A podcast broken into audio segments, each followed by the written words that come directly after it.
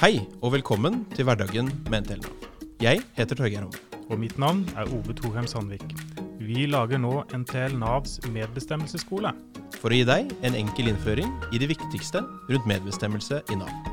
Så hvis du er ny som tillitsvalgt, Eller litt gamlere tillitsvalgt som trenger oppfriskning på basicen, eller hvis du bare er litt interessert i medbestemmelse, så er dette noe for deg.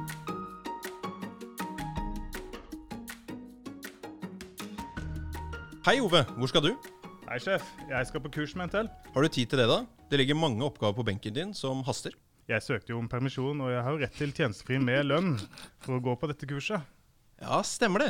Det er jo jeg som arbeidsgiver som har ansvar for å fordele oppgavene. Harald? Fargen i ansiktet ditt er eh, helt annerledes enn når du kom inn. Jeg var ikke forberedt. Det er bra, det. Bra med humør. Du var forberedt på at det skulle være litt mer alvorlig, kanskje? Ja. Ja da, men vi starter litt der, vet du. ja, ja. Velkommen til Hverdagen med NTL Nav. Jeg er Torgeir. Og mitt navn er Ove. I dag skal vi prate om tillitsvalgtrollen. Og vi har med oss Harald Borgerud, også kjent som Lille-Harald. Som er sentralt frikjøpt eh, tillitsvalgt i NTL Nav. Velkommen, Harald, til oss. Kan du fortelle litt om deg sjøl? Tusen takk, eh, Torgeir og Ove. Det er hyggelig å bli invitert. For de som kjenner meg godt, så er jeg jo en ydmyk liten mann fra Akershus. Kan jeg Eh, avkrefte? Jeg kan jo avkrefte. Ja, det er godt å høre. Ydmyk er jeg innimellom. Jeg, har- jeg har jo vært eh, tillitsvalgt som sentralt frikjøpt eh, siden 2014. Før det så hadde jeg en periode i Nav Akershus som tillitsvalgt for NTL der. Og gikk i lære under Store-Harald. Ikke sant? Der kommer den fra. Ja, og så har jeg også vært plasstillitsvalgt fra 2008, var det vel. Begynner å få noen år med tillitsvalgserfaring. Godt over ti år som eh, tillitsvalgt. Mm. Og litt ellers, da? Eh, Politikken? Nei, altså jeg har jo eh, klart at fra jeg begynte med tillitsvalgt, så hadde jeg jo masse hår. Det har jeg jo ikke lenger nå. Så, og i politikken så har jeg jo gitt meg med å være deltidspolitiker ved siden av.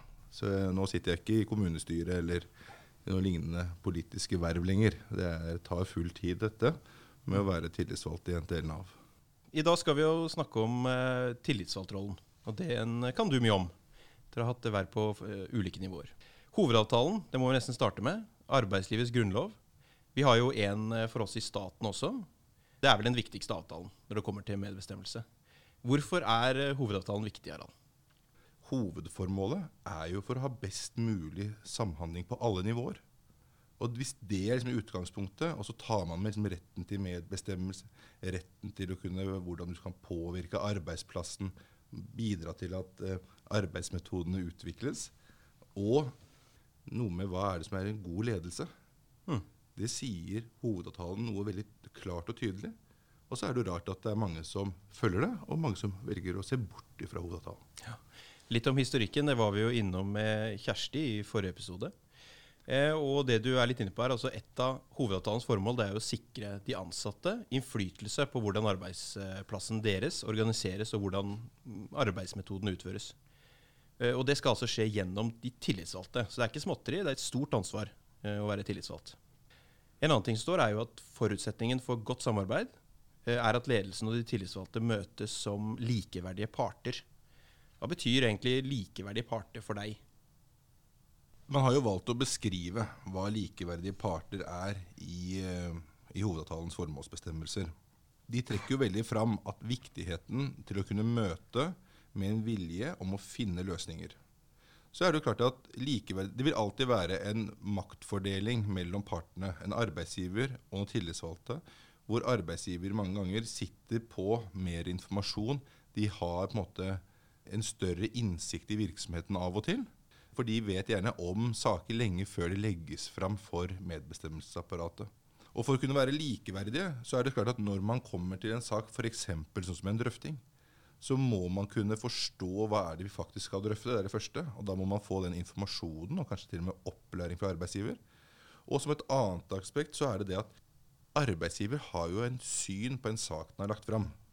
Men hvis man ikke er villig til å lytte til de argumentene som kommer, og man bare har besluttet alt i forkant, da er man jo ikke likeverdige parter, for da har man allerede bare besluttet. Det betyr ikke det at de alltid skal høre på argumentene våre, men de skal iallfall være åpne, høre på de, og så gjøre en vurdering. Mm. Da får du likeverdige parter. Jeg har alltid tenkt på dette som en likeverdig parter, som en, en metafor. fordi du, leder får jo sin eh, makt ovenifra. Mens vi som tillitsvalgte vi får det i form av ikke nødvendigvis hvor mange medlemmer, men at vi har medlemmer. Vi som tillitsvalgte representerer jo dem og løftes på en måte opp da, på et nivå eh, som er lik med arbeidsgiver. Tenker du at det er en passende metafor? eller? Ja, jeg syns du er inne på noe. fordi ser, går litt tilbake. da. Når er det vi kan sette makt bak kravene våre? Jo, det er jo f.eks. ved reforhandlingen av en hovedavtale. Skal vi godta dette eller ikke? Skal vi ta arbeidstakerne ut i streik? Vårt liksom ytterste maktmiddel. Så har vi jo klart en fredsplikt. Og vi som organiserer arbeidstakerne, vi mener jo at vi har en innsikt til hvordan arbeidshverdagen er. Og derfor også en måte kan påvirke hvordan jobben skal utvikles best mulig. I en tid hvor uh, organisasjonsgraden synker og lignende, så forskyves jo også maktforholdet. Mm. At hvis du kommer til en enhet hvor bare 30% er organisert, så vil jo maktforholdet være helt annerledes enn hvis du er på en enhet hvor tilnærmet 90% er organisert i ulike fagforeninger. Du nevnte fredsplikt der, et begrep som eh, går an å forklare det. Det er at fagforeningene ikke har lov til å streike, bortsett fra korte politiske markeringer utenom eh, når man forhandler eh, tariffavtalene. Da har man en periode hvor det er lov å streike hvis man ikke blir enig. Men bortsett fra det så er det fredsplikt, og vi kan ikke streike. Skal vi ta en prat om MBA og medbestemmelse? Ja. For det er jo en viktig oppgave som tillitsvalgte har på de forskjellige enhetene. Hva er et MBA? Det kommer jo fra dette møtet i medbestemmelsesapparatet. Uh, I andre virksomheter i staten så er det noe som kaller det for IDF-møter. Altså fordi det heter informasjon, drøfting og forhandling. Men hos oss da, så kaller vi det MBA. Og vi har jo MBA-møter på alle nivåer i etaten. Det betyr Torgeir her borte, du sitter jo i ett MBA som heter sentralt MBA. Ja, vi møter jo Sigrun Vågeng der ca. annenhver uke. Men det hadde jo ikke vært så hensiktsmessig hvis all medbestemmelse i hele Nav skulle skje der. Vi har jo hundrevis av Nav-kontor, forvaltningsenheter, kontaktsenter, hjelpemiddelsentraler osv. Ja, altså Ove, du sitter jo i MBA for styringsretten NAI. Ja. Og Der er det jo flere tusen ansatte som ligger i denne driftsenheten der. Ny, nytt stammespråk, NAI. Det er ja. det ja. arbeidsytelser. Ja, ja, men det, vi, vi, liker jo stammespråk. Ting mm. på tre bokstaver egner seg jo veldig godt for podkaster. Og i Nav òg. Ja, og i Nav også, helt klart. Og under liksom, det nivået hvor Ove sitter, så har vi jo eh, et kontor, en enhet. Enten om det er et Nav-kontor, eller om det er en, en enhet da, i NAI, f.eks. hvor det har en egen leder, og vi har en plasstillitsvalgt som har eh, den nære kontakten med eh, medlemmene våre der faktisk jobben utføres.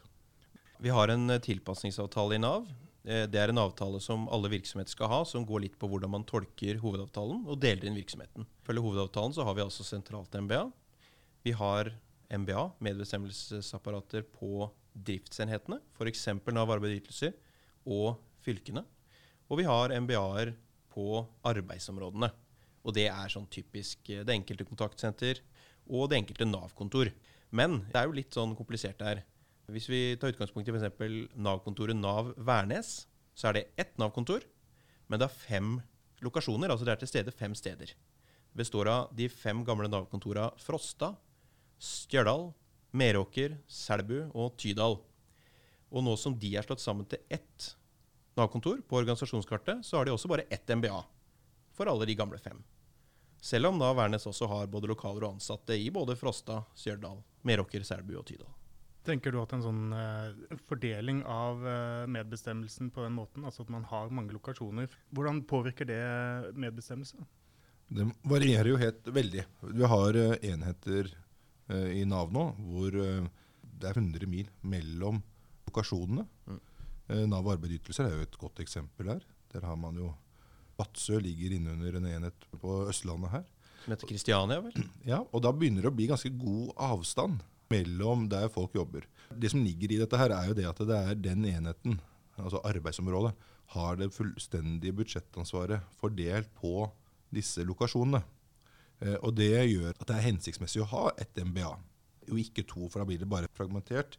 Du må kunne møte noen som har liksom fullmakt delt ned fra sin arbeidsgiver og kan faktisk ta en beslutning. Det hadde vært mye verre å ha hatt et uh, MBA på den ene lokasjonen hvis den du møter, ikke kan treffe beslutning. Mm. Men vi kan vel si at uh, det aller beste for medbestemmelsen og det enkleste er når hver enkelt fysisk lokasjon også er en egen enhet. Det må jo være helt åpenbart. Ja, klart det. Og så er du litt avhengig med størrelse. Det er, Av og til så har vi jo små enheter som fungerer som små satellitter, og da, da blir de bare en sånn liten sånn utpost som holder til der. Så ser man jo det at uh, sånne lokasjonsinndelinger over tid, så når det blir nyansettelser med mer, så blir det ofte liksom sentralisert rundt der lederen sitter. Det ser vi gang på gang på gang. Eh, vi kan sammenligne det med som en langsom årelating av lokasjonene. da. Sånne type ordninger er ofte et steg på veien mot å eh, legge ned Ja. en av lokasjonene. Så det er ikke også- noe vi ønsker. Helt riktig. Nå har vi tatt litt om hvor MBA ligger, men uh, hva gjør man i et MBA? Torgeir, har du lyst til å prøve? Ja, som eh, Harald var inne på, så kaller de en del andre statlige virksomheter IDF-møter. Og det er de tre formene for medbestemmelse. Informasjon, drøfting, forhandling.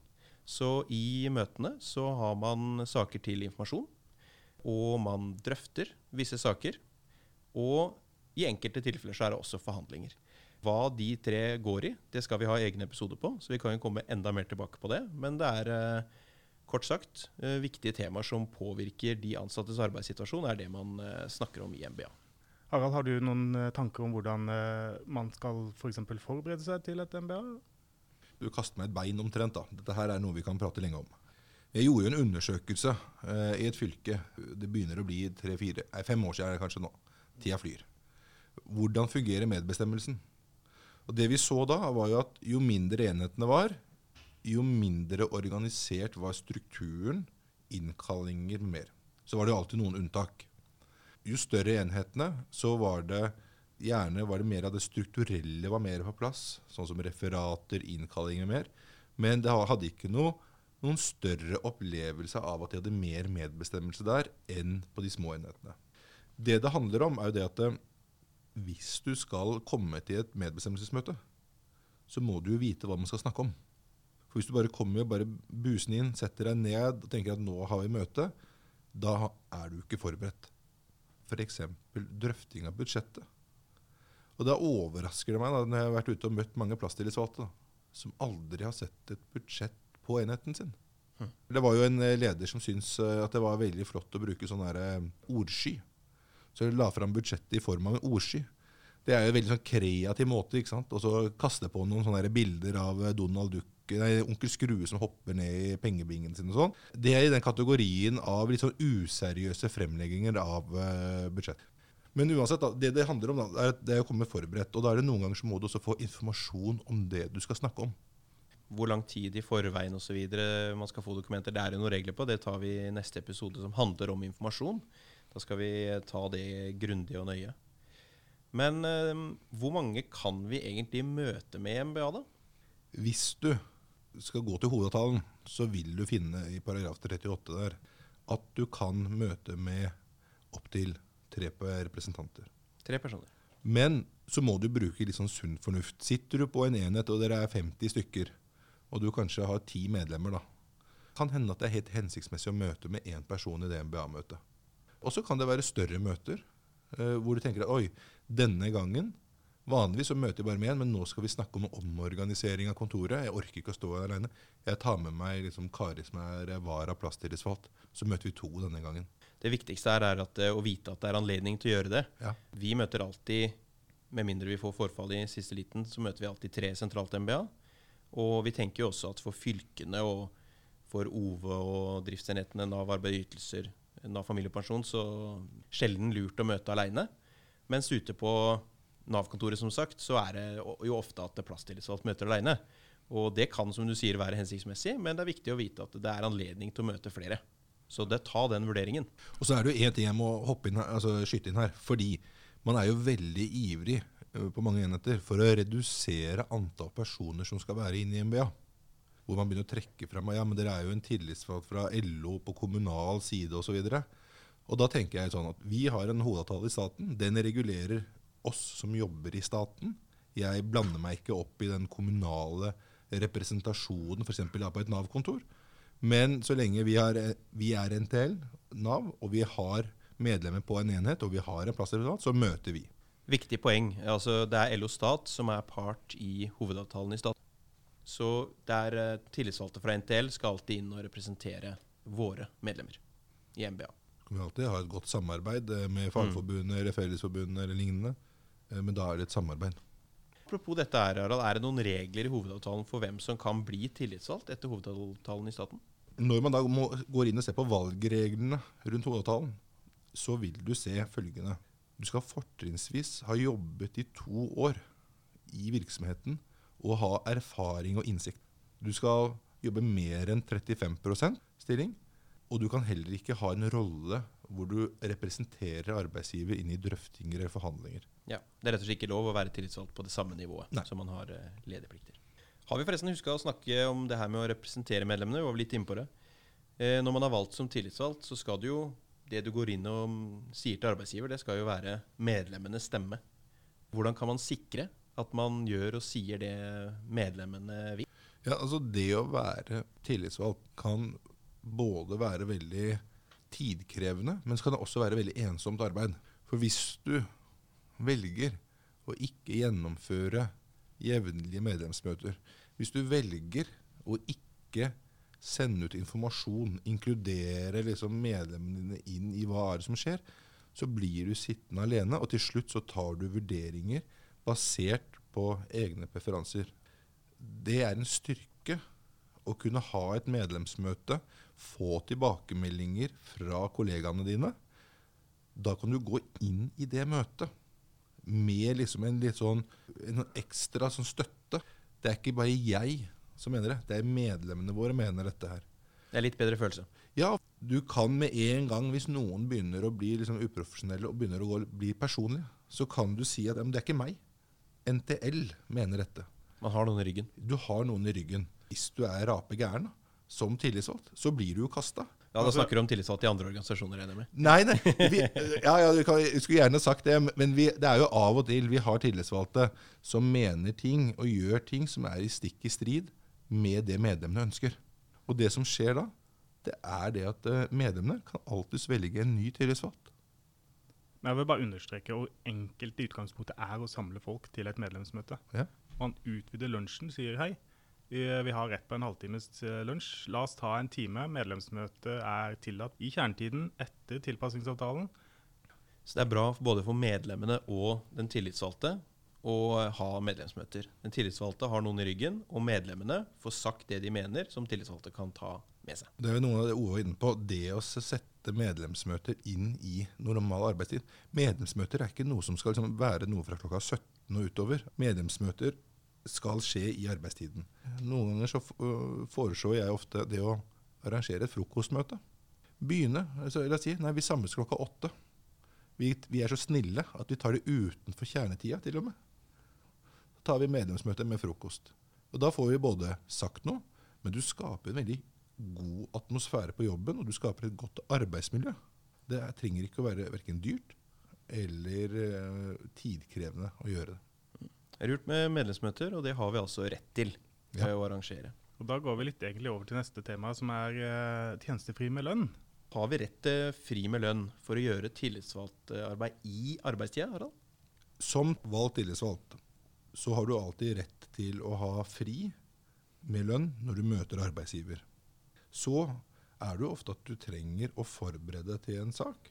Da kan du få fri med lønn fra arbeidsgiver. Og Her må man jo se denne bestemmelsen litt opp mot dette som vi var innom sånn innledningsvis, dette med likeverdige parter. For Hvis arbeidsgiver sier til deg at nei, du kan ikke få tid til å forberede deg, ja, da må du kanskje være litt sånn tøff i det møtet da, og si at nei, vi må, vi må møte her må ta så mye lengre tid, for jeg må sitte og forberede meg fordi jeg ikke får lov til å gjøre det i forkant av møtet. Helt enig. Det er veldig sjelden vi får eh, problemer med det her. Arbeidsgiver forstår jo selvfølgelig normalt sett at eh, det må være tid for tillitsvalgt å sette seg inn i sakene som skal opp til behandling. Men skulle man få problemer med det, så er det helt klart. Da er det bare å si altså, møtet kan godt starte nå, så begynner jeg å lese dokumentene. Fordi at man eh, kan ikke være med og være likeverdig part i møtet uten å kjenne innholdet i det som skal diskuteres. Og da er det jo det å tydeliggjøre galskapen. Si at nei, dette ønsker vi referatført. Vi fikk ikke anledning til å forberede oss. Arbeidsgiver nektet. Da kan vi liksom ta det videre. Men du kan jo ha fri til andre ting, da. Altså som tillitsvalgt. Kursing. Ja, f.eks. som tillitsvalgt, da, du blir jo ikke utlært bare fordi at du blir valgt på et medlemsmøte. De kursene vi har, så har vi jo en både kurs i regi av forbundet, altså NTL sentralt. Og så arrangerer jo også avdelingene egne kurs på ulike nivåer med ulike temaer, som vil kunne være gode faglige påfyll. da. Ja, men Det er jo ikke bare tillitsvalgte heller som har rett til å gå, gå, på kurs. Men er det noen forskjell i hovedavtalen når det gjelder rett til fri med lønn for å gå på kurs mellom tillitsvalgte og de som ikke er tillitsvalgte? Hvis du har noen verv gjennom våre vedtekter, så gir det også en rett til fri. Da er det ikke noen begrensninger knyttet til hvor mange sånne kurs du kan gå på.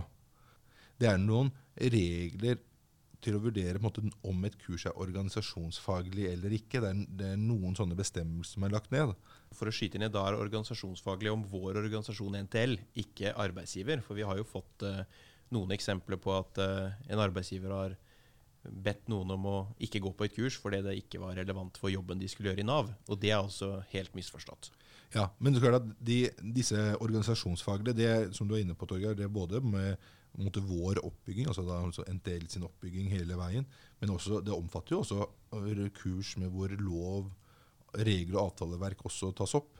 Eller hvor det er tema, tematikk innenfor omstilling, eller, eller noe som er relevant i rollen som tillitsvalgt. Ja, og for en sånn enkel pekefingerregel, det er jo at, eller tommelfingerregel, er det det det heter? Mm. Eh, det er jo at eh, NTL vi har bare organisasjonsfaglige kurs. Mm. Det er veldig sjelden vi ikke har det.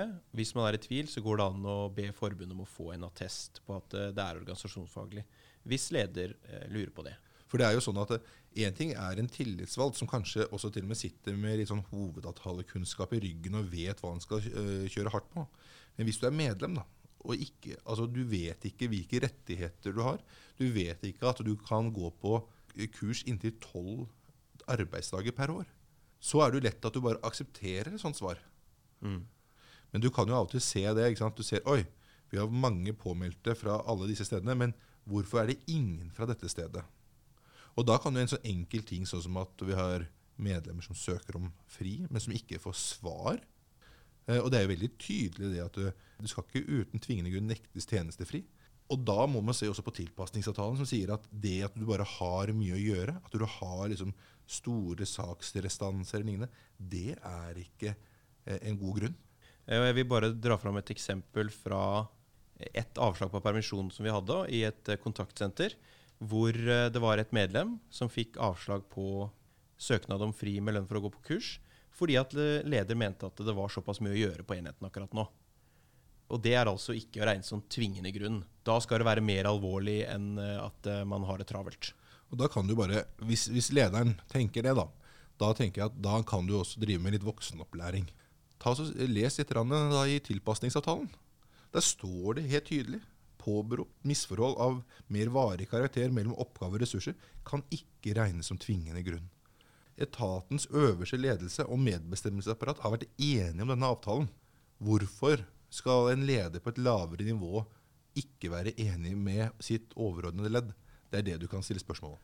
Jeg blir jo litt uh, oppgitt over det jeg opplever som lederes kanskje begrensede evne til å planlegge iblant.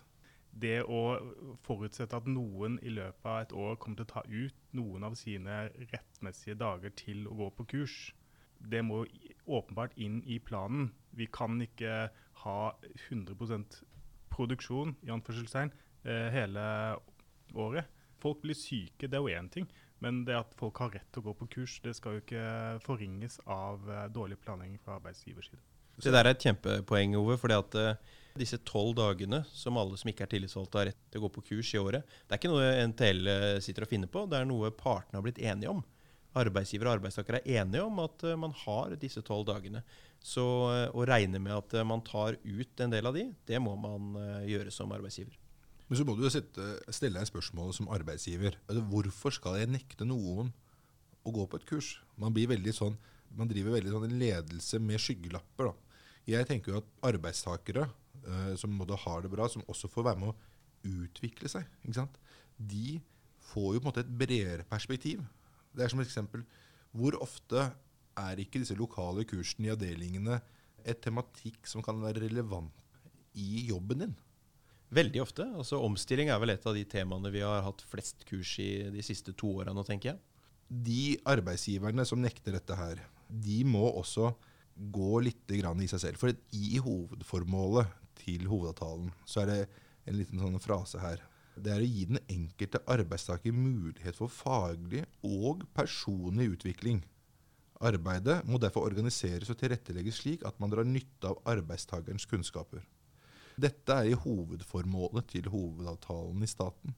Mm. Det, den sier noe om at de kursene her ja, Om arbeidsgiver ikke anser at dette er faglig, så kan det være av personlig utvikling. Nå har vi snakka mye om medbestemmelse og hvordan plasstillitsvalgte representerer NTL Nav overfor arbeidsgiver. Eh, men det er jo andre ting også som ligger i det å være plasstillitsvalgt. En ting jeg kan nevne, det er jo at eh, verving av nye medlemmer, det er viktig. Når det kommer nyansatte på arbeidsplassen, så må de få tilbud om å være med i vårt fellesskap. Helst skal vi være de første som spør. Personalsaker er jo noe man også kan komme borti. Hva er viktig å tenke på da? Det er jo flere ting. Når du som tillitsvalgt skal bistå et medlem, så kan man av og til trå litt feil på noen møter. Det som er viktig, det er jo å være tydelig på hva er formålet med møtet. Når, når et medlem er kalt inn, så må du jo hvis det er et møte som er av type streng reaksjon, hvor arbeidsgiver du skjønner at dette her er et møte hvor arbeidsgiver har lyst til å kvitte seg med en ansatte Hvis ikke du har fått den informasjonen i forkant, så er det spørsmål ja, men hvordan kan du egentlig da bistå medlemmene i møtet. Av og til så må man faktisk bare gå ut, ta med medlemmet, gå ut av møtet og si at de må sende informasjon i forkant. Så er det jo eh, ganger hvor, eh, som er kanskje lagt triveligere karakter. da. Det er jo å være med som plasstillitsvalgt og bli satt med representant til å representere de ansatte ved utvelgelse av nye eh, kandidater til stilling. Det er både til å velge hvem som skal komme på intervju, men også faktisk det å gjennomføre intervjuene og være med på intervjuene. Da får du mulighet til å ha plass til plasstillitsvalgt å definere hvem skal bli dine nærmeste kollegaer. Det er ikke alltid nødvendigvis at arbeidsgiver er enig i rekkefølgen, men ofte så er man ganske enig i de man intervjuer, denne vil passe best her hos oss. Vi bare også nevne det når du, vi snakker om personalsaker, at ja. en grei regel der er vel at som plasstillitsvalgt, husk å be om hjelp ja. eh, hvis eh, en sak er alvorlig. Vi har jo et eh, stort støtteapparat i NTL, helt fra LO juridisk til egne folk både på forbundet og hos oss i NTL Nav som jobber med personalsaker, og de hovedtillitsvalgte. Så det er viktig. Ikke stå aleine i en vanskelig sak. Det ligger jo gjerne til, eh, til det plasstilsalget å gjennomføre ofte medlemspleie. Hva legger man i medlemspleie? Det er jo, det er jo veldig stor eh, forskjell fra avdeling til avdeling. Hva, hvordan er det de utøver medlemspleien? Det handler jo om en ivaretagelse også av de medlemmene som ikke nødvendigvis bare har behov for f.eks. bistand til en personalsak. Det er medlemspleie, det å arrangere et kurs. Det er medlemspleie, det å komme og møte medlemmene på et medlemsmøte, hvor avdelingsstyret kommer ut og forteller om hva som skjer, eh, eller at de sørger for at den hovedtillitsvalgte får gjort det også. Det er jo av og til at de må faktisk bruke penger i avdelingsstyret for å betale at noen skal komme og prate til dem hvis det er et relevant tema. Det er av og til å kjøpe inn noe gadgets. Det kan være drikkeflasker, det kan være andre ting som man har lyst på på enheten. Og så kan det være noen enheter, sånn som i Østfold eh, der, så er de veldig gode på å sende en liten overraskelse fra organisasjonen til medlemmene ved påsketider. Og noen Møre og Romsdal, der gjør de det ved juletider. En liten oppmerksomhet fra avdelingen. Altså Jeg kjenner til en i uh, Oslo-avdelingen som er plasstillitsvalgt uh, på Bjerke. Og han har dette litt ute på fingertuppene. Han eh, altså, inkluderer forskjellige medlemmer til å gjøre forskjellige oppgaver. De, han merker at jeg kan være litt interessert i å, å ha litt mer ansvar, være litt mer inkludert. Og påpeker også dette med å, å faktisk gi ut litt sånn småting som man kan bestille på nettsidene til NTL. Som, eh, som, ikke koster den plasstilsvalgte noe, men som kommer på døra dagen etter. Og eh, som medlemmer blir veldig glad i. Eh, veldig nyttige ting som reflekser, f.eks. Nå, nå blir det jo vinter her. Ja, men Det er hyggelig med litt sånt ekstra. En annen viktig ting som plasstillitsvalgte skal gjøre, det er jo å sende videre informasjon som du får tilsendt fra f.eks. oss. Vi sender ut en del informasjon, og det er viktig at det når medlemmene. Noen syns at det kan bli litt mye e-post, men å slette én ekstra e-post i uka, det er de fleste i stand til. Og det kommer mye viktig informasjon. Men jeg tror kanskje vi nesten var ferdige, eller hva, Ove? Ja, jeg vil jo eh, si at det er ganske omfattende å være plasstillitsvalgt, da. Det er fryktelig gøy. Det er fryktelig gøy. Ja. Gøy også. Og også. innmari eh, lærerikt. Men vi har understreket da, at det er lov å spørre om hjelp. Veldig viktig. Og det gjør vi også på de der stakkars hovedtillitsvalgte av og til, som kommer fra det å ha vært plasstillitsvalgt eller nesten ikke har vært det, og blitt hovedtillitsvalgt. Det har skjedd, det òg. Så er det støtte og hjelp for å kunne forstå de oppgavene man gjør. Eh, men før du går, Harald, Ja, eh, så vil, vil jeg og eh, Torgeir gjerne ha, høre om du har en, et eksempel eller en liten historie på hvorfor det er verdt å være tillitsvalgt. det er et spørsmål. Er det de store seierne som er viktigst, eller er det, eller er det de små dagligdagse seierne? Jeg hadde en leder som sendte ut eh, en e-post hvor det sto at alle de som eh, har eventuelt en minustimer, eller som har eh, arbeidstid, altså mer enn 20 plusstimer, de, de måtte ta kontakt med lederen. For de som hadde over 20 plusstimer, de måtte avspasere dette. Og de som hadde under, de måtte eh, jobbe mer med en gang.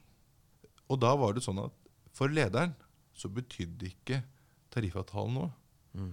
Tariffavtalen som regulerer liksom noe med arbeidstiden vår, særavtalen om fleksibel arbeidstid, da, da er det en sånn liten sånn glede i hverdagen. Det er at når den ene e-posten har vært gått ut, hvor du må gå inn og så må du si at du har ikke fullmakt til å endre vår særavtale om fleksibel arbeidstid. Det er én gang i året vi gjør avregningen, 31.12. Utover det så har vi et stort handlingsrom. Og da er det veldig godt en sånn liten seier som når det kommer da ikke lenger i farger og capslock, men bare en e-post hvor du sier at dere kan se bort fra forrige e-post. Det er en sånn hverdagsseier som jeg liker. Veldig fin eh, seier, Harald. Tusen Ja. takk for at eh, du kom. Takk også til deg som hørte på.